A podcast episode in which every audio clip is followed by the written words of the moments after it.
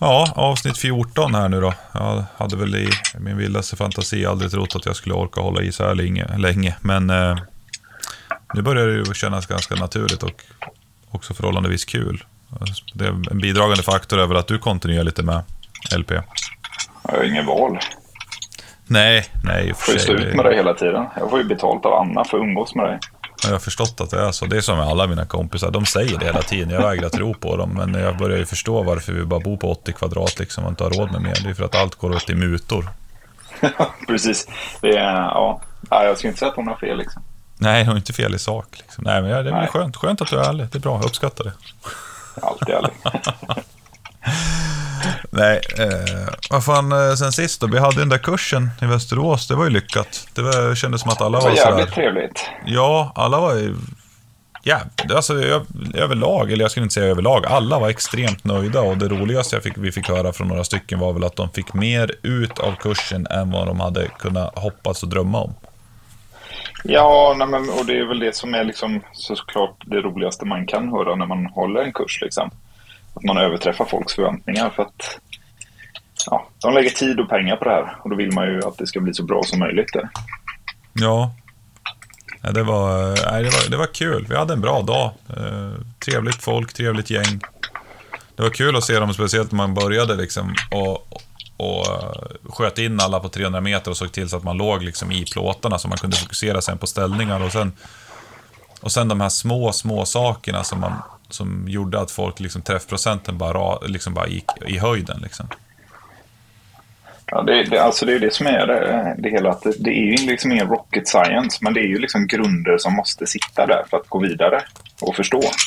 Ja, och det, det är ju grunder som antingen så åker du på drösvis med tävlingar och sitter och tittar på hur någon, och, och hoppas att du hamnar i squads med någon som vet vad de håller på med. Och sen applicera det. Eller så, så, så går det. Nu finns, ju, nu, har ju, nu finns det ju möjligheten att gå en kurs. Både Micke, Micke i Rättvik är ju liksom inte dålig på det heller. Han har ju mycket mindre. Men som sagt, gå en, gå en kurs. Jag menar, fasen hade jag haft möjligheten att gå liksom en PRS-kurs när jag började hålla på. Jag menar, utvecklingskurvan hade ju varit... Den, den blir ju extrem i jämförelse med att sitta på klubben och försöka lista ut allting.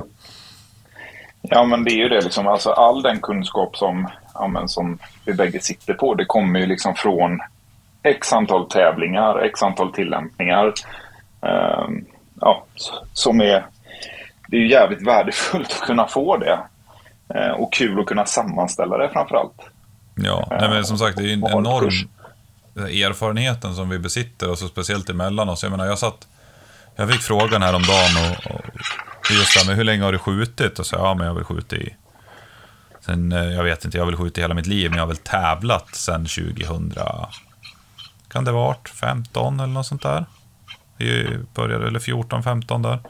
Och sen började jag räkna på hur mycket, det här är ju någon fråga, men hur många, hur många gånger har du stått på pallen? Och då började man säga, shit, hur många gånger har jag stått på pallen? Så jag, fick ju, jag började ju räkna. Jag, jag har stått på pallen i PRS-tävlingar 25 gånger, eller vad det var, 26. Det är fan en, det är imponerande summa. Och fortfarande då liksom, trots alltså, att fortsätta att leverera också. Ja, men det är, det är väl en intressant grej. Men just det här att man, erfarenheten, och du, du, jag fick, du skickade ju en bild där nu på din lilla troféhylla, den börjar ju ta sig den också. Ja, jag har inte hållit på så jävla länge, men det känns som att man börjar hamna i rätt spår just nu i alla fall. Ja. Uh, och det är just den kombinerade erfarenheten som, som, är, som är kul och Alltså jag tycker att det är extremt kul att lära, lära folk det man har lärt sig. Och se utvecklingen. Mm. Och jag hoppas verkligen att man ser några av de här killarna på tävlingar framöver och att, att man ser ett rejält hopp i resultatlistan. Det, det tror jag verkligen, för det man såg, ja, det, var, det var kul. Det var riktigt roligt att se. Nej, men det är det. Det är ju som sagt, jag, jag, många av dem, eller några av dem har ju liksom redan sagt liksom, att de ska tävla. Jag vet, vi hade ju en prova på-dag i, i Trollhättan också och redan därefter var det ju några liksom som ja, men direkt anmälde sig på tävling. För det var ju återigen liksom det stående tipset. Liksom så här, men hur blir jag bättre? Liksom? Ja, men åk på tävling. Det är liksom då dina svagheter syns som mest. Eh, man kan vara kung på sin hemmabana. Men eh, på tävling då visas allting. Ja, och sen just erfarenheten av att skjuta en tävling. Det är så här, som jag pratade med Tobbe Lindgren om det där. Och, och, som vi var ju till Norge här. Du, du, jag och Tobbe flög dit från Umeå också. Och eh, jag sa det, jag sa tack, det var kul att ses och allting. Och sa alltså, ja, det var jävligt värt att åka ner. Och så, det är sjukt värt att åka. Oavsett om man åker, vart man än åker på tävling så är det värt att åka. För den här endagars tävlingen i Norge som vi hade extremt trevligt på, den är ju värd 100 dagar på banan. Ja, nej men alltså det, och nu kan ju folk tycka att det låter liksom överdrivet, men, men jag skulle absolut säga att den är det. Att det är värt så mycket för att vindarna, avstånden, eh, målväxlingar, alltså sånt går inte att få på en vanlig hemmabana i Sverige. Nej, det är ytterst rätt- få som har det. Ja, extremt få. Men sen där att träffa andra människor och se hur de löser grejer, liksom outside of the box. Hur löser man saker i den här delen av Sverige eller Norge? Och, och du vet, alla gör det på lite olika sätt. Även om tävlingen, den skåden vi var i där, var, höll ju en ganska hög nivå, så såg man ju ändå lite olika sätt på att tackla grejer. Ja, men det var lite skillnad. Det var ju lite kul att se det, liksom, Sverige versus Norge, liksom, och de sa ju samma sak. Liksom. Eh, att så här, oj, ja, så gör ni ja. Eh, så det var ju sjukt kul att se den skillnaden också. Mm. Det var... eh, Sen är det som du säger, det var en jävligt god stämning. Sen var det ju bra liksom, alltså Runa, Sindre, eh, du, jag, Tobbe och så deras polare där, praktikanten eller vad de kallar honom. Ja, precis. Eh. Praktikanten. Eh, det var ju en jävligt hög lägstanivå. Ja, gud ja. Eh, och det som verkligen, verkligen gjorde min dag där, det var ju liksom hur hjälpsamma alla var. Alltså det var, ju- det var ett helt annat sätt att prata öppet om hur man ska hantera eh, en station som ett lag. Alltså i squaden, liksom att man var mer mån om att squaden ska prestera bra än sitt eget bästa. Liksom. Utan att, ska, vi, ska jag slå dig? Jag tror det var Sindre som sa det, liksom, I wanna beat you at your best day. Inte för att jag har, ja men typ som Runars trippel skypull. Liksom. Det ska inte avgöra matchen för att han har råd att köpa en sån. Nej, vi lånade den. Han lånade ut den till hela skvaden. Ja. Och det för mig är ju liksom helt, ja, det är jävligt kul att se det.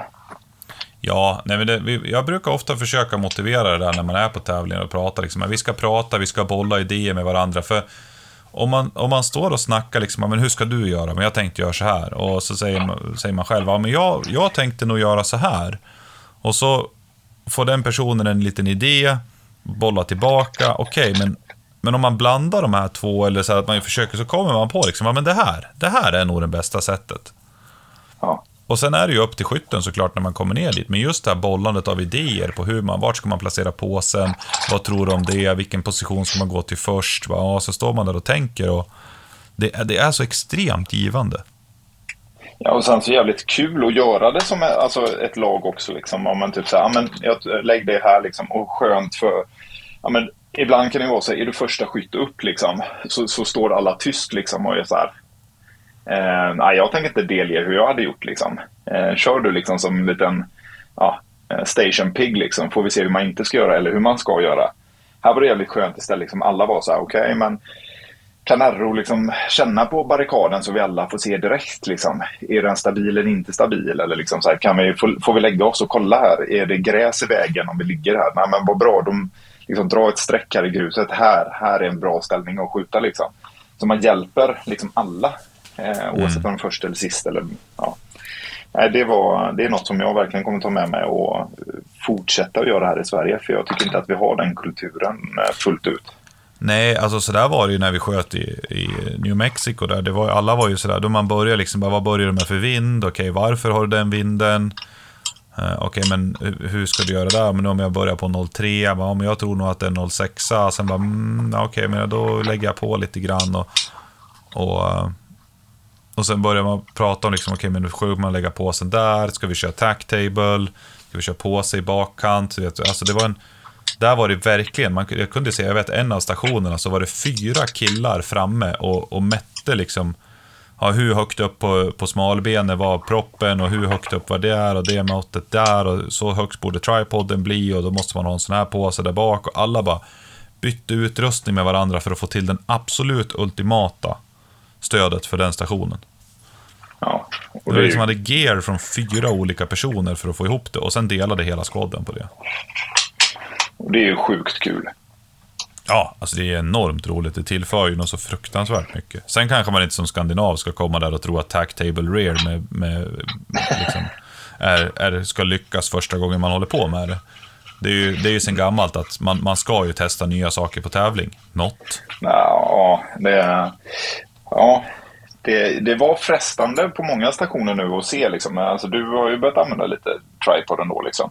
Jag kör aldrig tripod mer eller mindre. Liksom. Och ser man sådär, ah, fan det gick ju rätt bra för dig. Och så blir man såhär, nej jag ska fan inte börja testa det på tävling. Jag kör som jag gör liksom. Nej, det, är, det är lite labb med, just det här med tripod, det är, det är en skill man måste träna på. Och jag hade tränat lite på det inför, v, eller inför eh, Frankrike-matchen där. För jag, jag sa det till Sindre liksom att eh,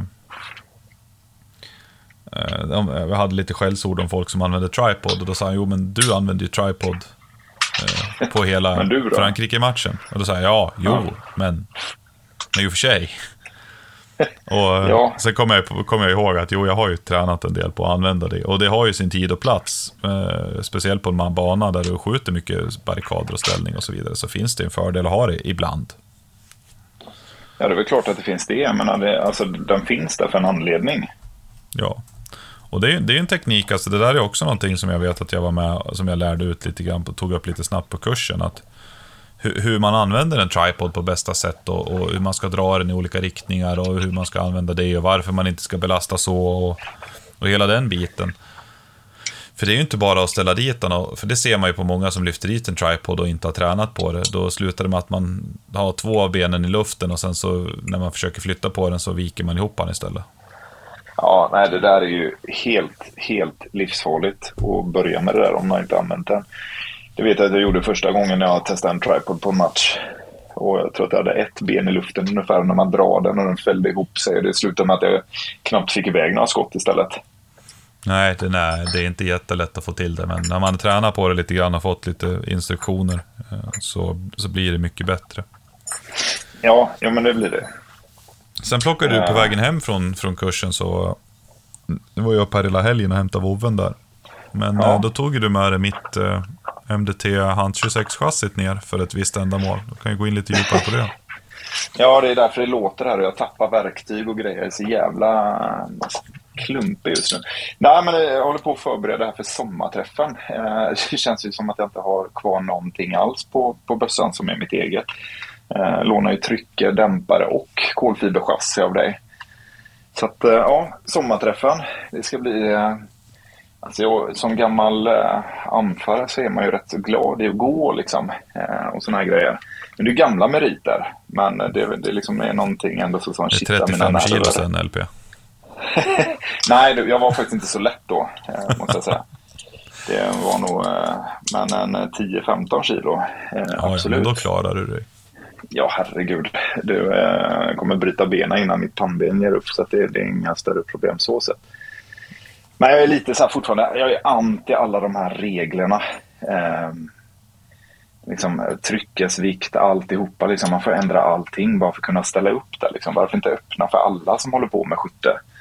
Eh, Vill du gå med en 12 kilos PRS-bössa, fine. Det är kul för dig om du vill traska med den. Liksom.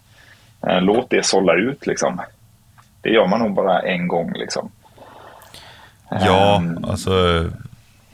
Det gör alltså... Sen säger att din bössa nu, vad kom vi ner på? 7 kilo eller något sånt där sa du? Ja, något sånt där tror jag. Och jag menar, men det är 5 kilos skillnad på varje steg du tar. Ja, Jag menar, Det är testa, mycket. ha, ha, det är bara ha en ryggsäck på dig. Och så går du med den. Och sen häller du i 5 liter vatten i den, en, en dunk. Och knatar vidare. En jävla Ja. skillnad. ja men det, är det. det blir en jävla skillnad, absolut. Det, det går inte att säga någonting om. Eh, och det är det som jag har varit så här, ja men låt folk, alltså öppna upp, gör en open-klass eller vad fan som helst. Eller det här med inte att man får skjuta med broms. Så, ja, men man är en squad på fyra, eh, det är inga som ligger bredvid dig. Låt folk skjuta med broms då. Nu blir det i och för sig lite lättare här med, man vill slopa dämparkrav, men fan, ja, jag vet inte. Ja, fram tills nu har det ju varit liksom att, jag menar, har du, har du bara sportskyttelicens och ingen jaktlicens, då får du inte tag på en dämpare. Då får du ju skjuta naket liksom. Ja, men precis. Men utöver det ska det bli jävligt kul. Om man bortser från det. Det är många roliga människor som jag vet ska dit. Uh, jag och Rasmus åker. Uh, sen så var det två okända i patrullen. Så att vi får se. Hoppas de är sköna lirare. Um, för det blir några timmar tillsammans. Ja, så blir alltså det, det... börja milla. Um, ja. Har du tränat något på millningen då? Ja, ja men lite. Jag, jag, jag har gått runt här med Truemillen lite och lagt mig på altanen och liksom varit borta och mätt några träd och grejer. Och, ja. Så man Lite får tält lite. och eh, konken, ryggsäckar och sådana där grejer på folk som knatar förbi. Precis, jag har mätt huvuden på folk här borta på vandringsleden ungefär. Eh, nej, men jag har övat lite på millningen. Eh, jag tror att det ska, jag vet inte, det är, jag känner bara en jävla skillnad mot när jag körde med mitt Athlon-sikte sist jag, eller min första sån millmatch. Eh, som var där nere på Ravlunda. Eh, Det blir en viss skillnad nu när man har zeron. Det är lite skarpare, lite bättre gjort för det här att hålla på och avståndsbedöma. Lite. Kan man väl säga. En underdrift. Nej, det blir lite det? skillnad så är det. Nej, men det ska vi. Ja. Men du kör samma laddning som vanligt eller? Det blir, jag vet Ja, vissa håller på och gasladdar inför det här och trycker på mer och mer och mer för att det är hopp om att man ska vinna. Men man vinner ju inte sådär jättemycket på det. Eh, Man blir bara ovan med tabellen. Nej, men det är så. Jag gör ju inte det här, eller jag gör det här för en enda anledning och det blir eh, att bli ännu mer bekväm med kalibern inför VM. Det är ju min enda anledning varför jag åker på det här. Um, och det är som du säger, jag kör samma laddning. Jag har kört samma laddning nu på alla matcher och kommer köra den här laddningen på VM också. Jag vill bara samla erfarenheter nu. Um, så det här känns som att det blir en jävligt bra erfarenhet, både med, med vind, um, vilket jag ändå känner att jag börjar få koll på med den här. Um, och en lite avståndsbedömning, lite kul. Bara allmänt grotta ner sig mer i kalibern. Mm. Nej, det, är, det är viktigt det där, alltså, speciellt det där att man håller sig till en kula och så vidare. Att man Ja, stick to nej, it, då får man ju erfarenhet.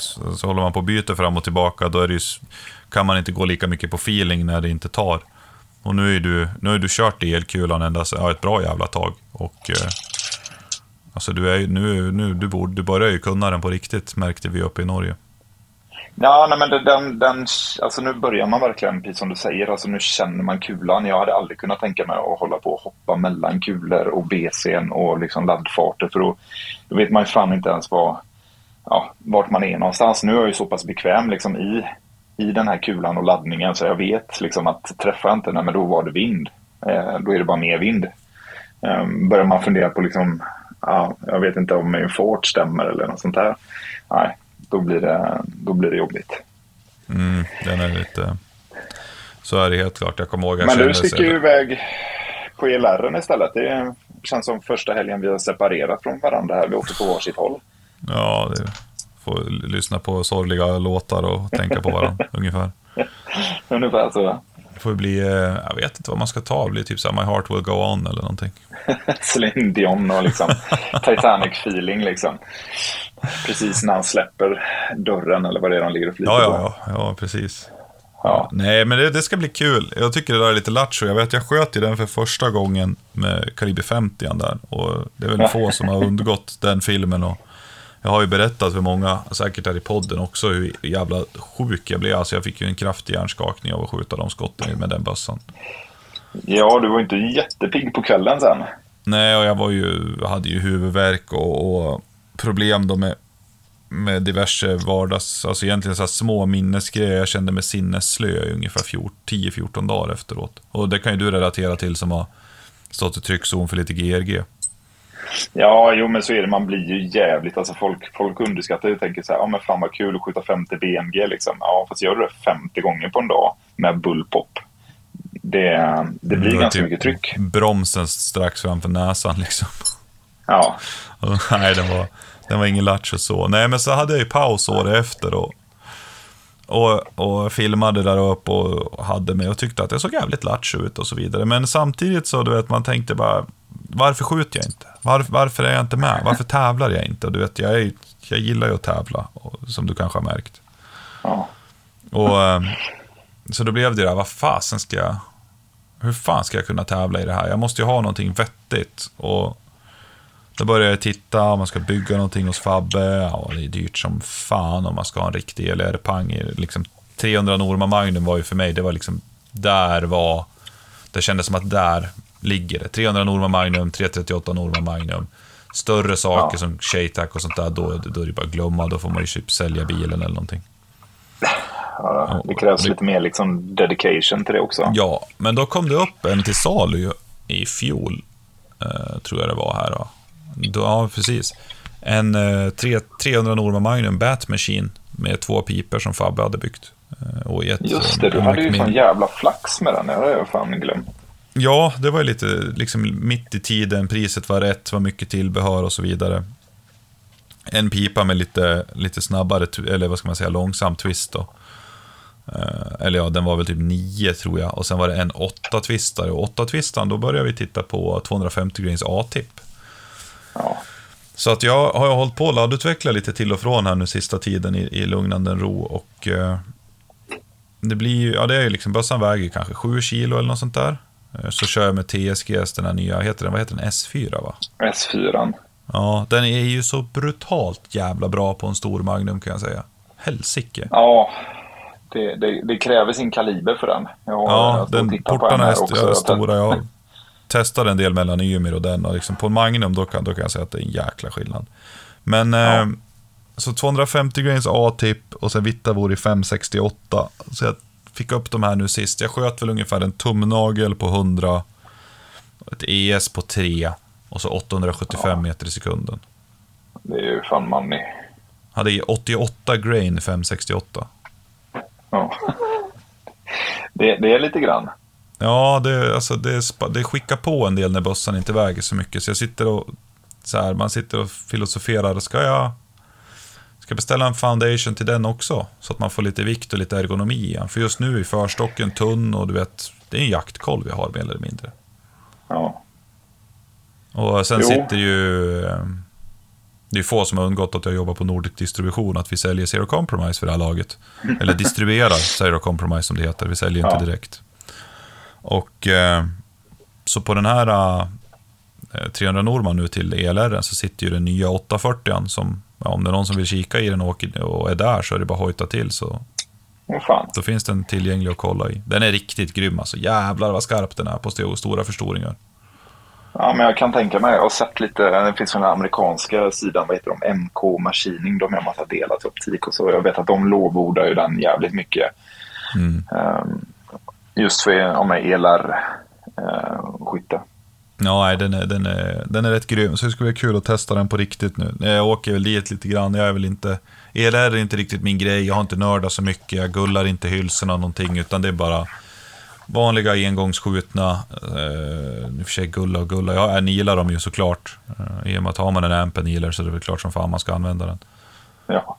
Ja. Men, eh, men annars är det liksom bara ett vanligt standard reddingverktyg. Inget, inga konstigheter där alls. Eh, och eftersom mina autotrickler inte klarar av 568 för den gamla varianten så, så eh, st- ställer jag egentligen bara en skål på autotricklerna. Sen sitter jag och pytsar krut med en tesked. ja, men det gör ju jobbet ändå. Liksom. Det är ju vågen man vill åt. Så att det är Ja, ja, precis. Det tar ju en jävla stund, men jag menar, jag skjuter ju, vad är det, 40 skott som går åt dit borta, så att jag kan, Ja. det kan jag leva med. Ja, herregud. Det är 40 skott kan man ju sitta och eh, labba i den med en tesked. Ja, så det, nej, men det ska bli lattjo. Det ska bli riktigt lattjo. Men det är ju så jävla trevlig stämning och allting överlag på den matchen. Alltså, i- det är ju det Ja. som är det roliga, liksom, att man, man står där och tjötar lite skit, liksom, som förra året när jag drog med kylbägen där när vi hade skagenröra med parmesan och grejer. Liksom. Man Ja, bara det var ju... och käkar gött liksom. Och, ja, Så jag drack lite allmänt Pripps gött det. radler och, och bara mådde bra. Ja. Så vi får väl hoppas att, underkant eh, liksom. Ja, vi får väl hoppas att vädret håller den här helgen också. Så eh, får man se till att ta med sig någon, någon trevlig kost och, och sitta där uppe och må bra. Ja, kommer danskarna så är det ju liksom Tuborg i alla fall. Varje gång. helvete. Hoppas att de kommer i alla fall. Ja, det var, det, var, det var skönt. Jag sköt in, jag har använt drängesäcken som baksäck nu. Jag, alltså jag, typ, jag körde den, jag körde i Dränges, den här Mjölnir Wide utan, utan antislip då. I Frankrike. Körde den i Östhammar, jag körde den i Norge nu. Alltså den... Och sen nu skickade han ju upp en som var ännu mer wide, så den här vanliga Mjölnir wide skulle ju bli standarden och sen wide, den extra extra wide skulle väl bli den nya vanliga wide. Så han skulle gå upp med Ja. allting ett steg. Men alltså ja, de där påsarna, de, de växer riktigt mycket på mig nu. Alltså det, är- ja, ja, de är brutalt trevliga. Den är sjukt trevlig. Alltså, eh, ja, jag använder väl egentligen motsvarande, men det är ju Schmidiumen som är samma som Widen. Och alltså, jag älskar säcken. Jag har ju Drängers också, eh, fast med anti-slip-tyget där. Som reservsäck eller andra säck eller man ska säga. Och ja, nej, han gör dem jävligt bra, det måste man säga. Eh, lite sugen på att testa den plus, plus ett plus ett eller vad man ska kalla den. Ja, Eh, precis. Den där tjockisen den med till. Norge. Ja, men precis. Just bara för att få liksom ja, men, eh, höjden när man använder 12-skottsmagg och det kanske är en, ja, en liten ja, jag vet fan, sten, klippa, någonting sånt där. Eller något- någon Kabelströmmar, barrikad. liksom, vad fan som helst. Ja, men precis. Så här, barrikader som är tajta liksom, med ganska låg... Ja, men, Det var ju några Höjd. stationer där i Norge där man kände att den där var rätt schysst att ha för att man fick lite mag clearance och sådär. Det var... Så vet, eh, ja, det var ett ställe jag önskade att jag hade tagit fram tidigare. Det var ju kabeltrummorna, för där slog jag ju i med plusbottnen lite grann. ja, jag tog bort plus på, eller jag tog mitt vanliga magg där eftersom det bara Mm. var nio skott. Men Ja, hade jag haft det. en eh, högre så, ja, då hade jag tagit den säcken bara. Men ska vi gå tillbaka lite till Norge-matchen där? Jag menar, jag tyckte att det var, det var ett jäkligt bra arrangemang. Det var, det var bra stationer. Den enda som jag tyckte var lite sådär funky, det var ju den där blind stagen. Den var ju inte... Ja. Den var lite väl wobbly. eh, Men Det sa väl alla? Ja, alla hade ju samma åsikt. Men, men liksom resten av matchen, alltså det var mycket målväxlingar var det, det var mycket positioner. Plåtarna, jag tror jag mätte till... Men vad kom jag fram till? Nu kan jag ha, nu är det säkert någon som har mätt och säger nu hade minsann fel, men jag med min basic math kom fram till att det var typ 0,55 mill i snitt på alla plåtar.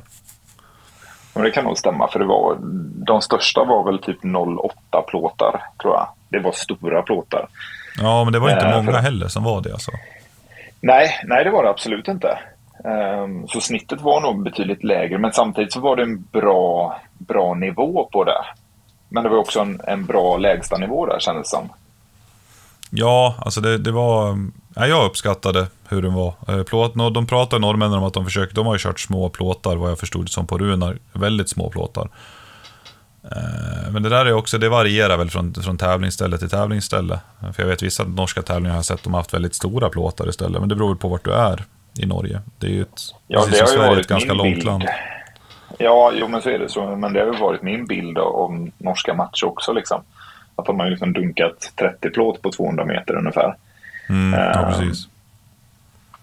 Men det, så, här, så var det absolut inte här. Nej, nej det var det inte. Men det var... Vinden var alltså i stundvis fick man, jag tänkte det var en plåt på 400 meter och det var ändå här, man fick ligga på det. Man låg ju på 06-08 vind som mest liksom, på 400 Ja. meter och det tycker jag ändå är ganska mycket för en vanlig dag liksom, som inte är alls särskilt jätteblåsig tyckte jag. Nej, nej, det var inte. Sen var det ju ett lite lurigt ställe där med när vindarna kunde vända lite längre fram. Det låter som Roger Pontare här nu, men... Eh, det, Ja, precis. vindarna viskar mitt namn. Eh, Nej, för det man såg Men ju längst där fram, precis som det här var också väldigt så här, flashback till New Mexico, fick ju nästan PTSD liksom. När man har håller, du man varit i ser New liksom... Mexico? Fan, Ja. jag snart. Jag har inte Vad- hört det. Vad sa du? Har du, har du? Vad sa du att jag inte hade varit? Vilken, vad sa du? Va? Va? Jag frågar, har du varit i New Mexico? Jag vet. Fan. Har du varit där? Nej, men där var det samma sak för det här med... Men när man sköt, man såg liksom hur vinden på hitsidan av målet liksom gick från höger till vänster och sen så sköt man så såg man hur, hur dammet bakom plåten gick från vänster till höger istället och man bara, the fuck? Ja, men så var det ju där uppe på målen längst bort. Det var Mm. liksom, man såg vimplarna nere vid oss. Blåste liksom från höger till vänster och där uppe så stod det helt still. Alltså när dammet från plåten kom, då gick den rakt uppe. Mm. Men det är sånt här som är så jäkla värt. Alltså återigen, vi pratar om det här liksom träna, träna genom att tävla. Sånt här går liksom inte alltså få på sin vanliga, alltså de flesta svenska skjutbanor är ju alltid liksom nordlig riktning, du har skogskorridorer, du har 300 meter, kanske 400-500 meter också om du har tur. sällan som du får någon speciell vind. Och är det vind så är det ofta skjutbanevind. Alltså det är alltid från vänster till höger, typ 2 till 4 meter i sekund. Ja, det, det blir liksom väldigt förutsägbart på hemmabanan och det blir inte alls utvecklande skulle jag säga. Nej, och Norge är ju fantastiskt på det sättet att de har ju alltså så mycket yta och lite andra regler om vad som gäller liksom att skjuta. Uh, för jag menar på den lilla plätten som vi var på där, eller plätt och plätt, men det var, gick ju upp, ja, det var väl fyra stycken olika längder egentligen och totalt, vad hade de? Det var nästan 20 mål eller något sånt där. Ja, det var ganska mycket. Jag tror det var mer till och med. Det var ju tio ja, stationer, jag tror det var någon station hade ju sex och du vet, ja det var mycket plåtar.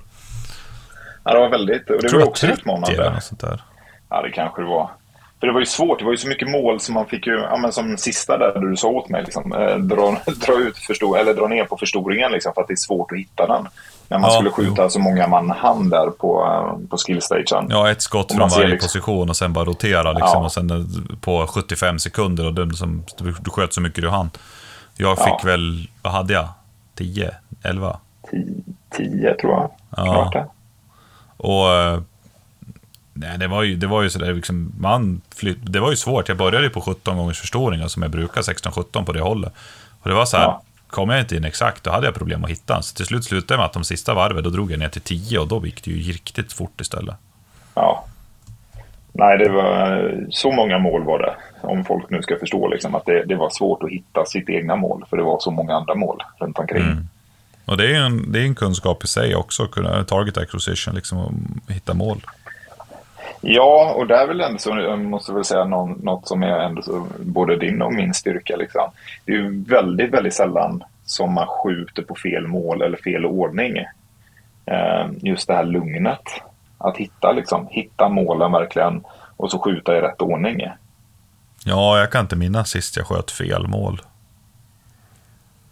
Det, är, för att det Det- blir ju lätt att man gör det annars. När du har liksom som att om du ska stega ut eller du ska skjuta på 1, 2, 3, 4, 5, 6 liksom. Och så kanske du glömmer att titta på siffran och skjuter där du tror att fyran är. Ja. Eh, tar inte den extra sekunden och liksom titta ut på kanten och se, står det en fyra bredvid? Ja, precis.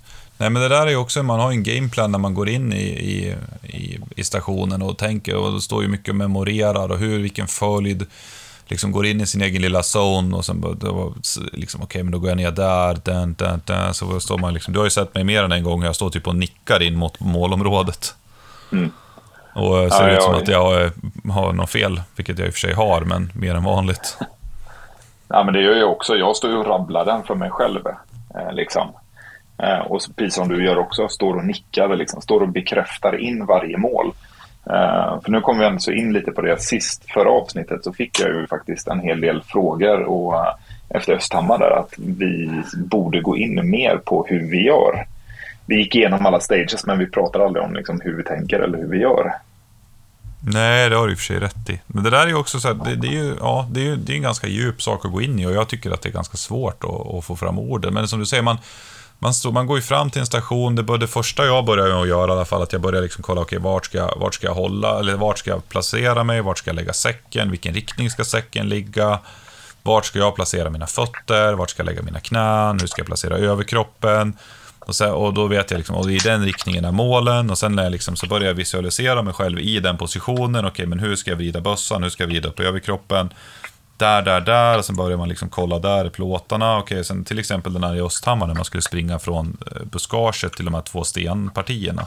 Ja, Och det var ju också, då började man, liksom, hur gick man in där, positionerade sig, kom in i position, sköt dem, sprang vidare till nästa och då redan på vägen dit, så, eftersom man hade redan kollat, så visste man ju, okej, men jag ska in i den här positionen och redan där så du vet, man, innan man ens kommer in i positionen, jag kollar alltid på det första målet jag ska skjuta när jag är på väg ner. Jag bryter, lite, jag tittar på det liksom hela tiden. Och då pekar jag också automatiskt vapnet i riktningen mot det målet och lägger ner och då är det väldigt lätt att komma in i rätt mål.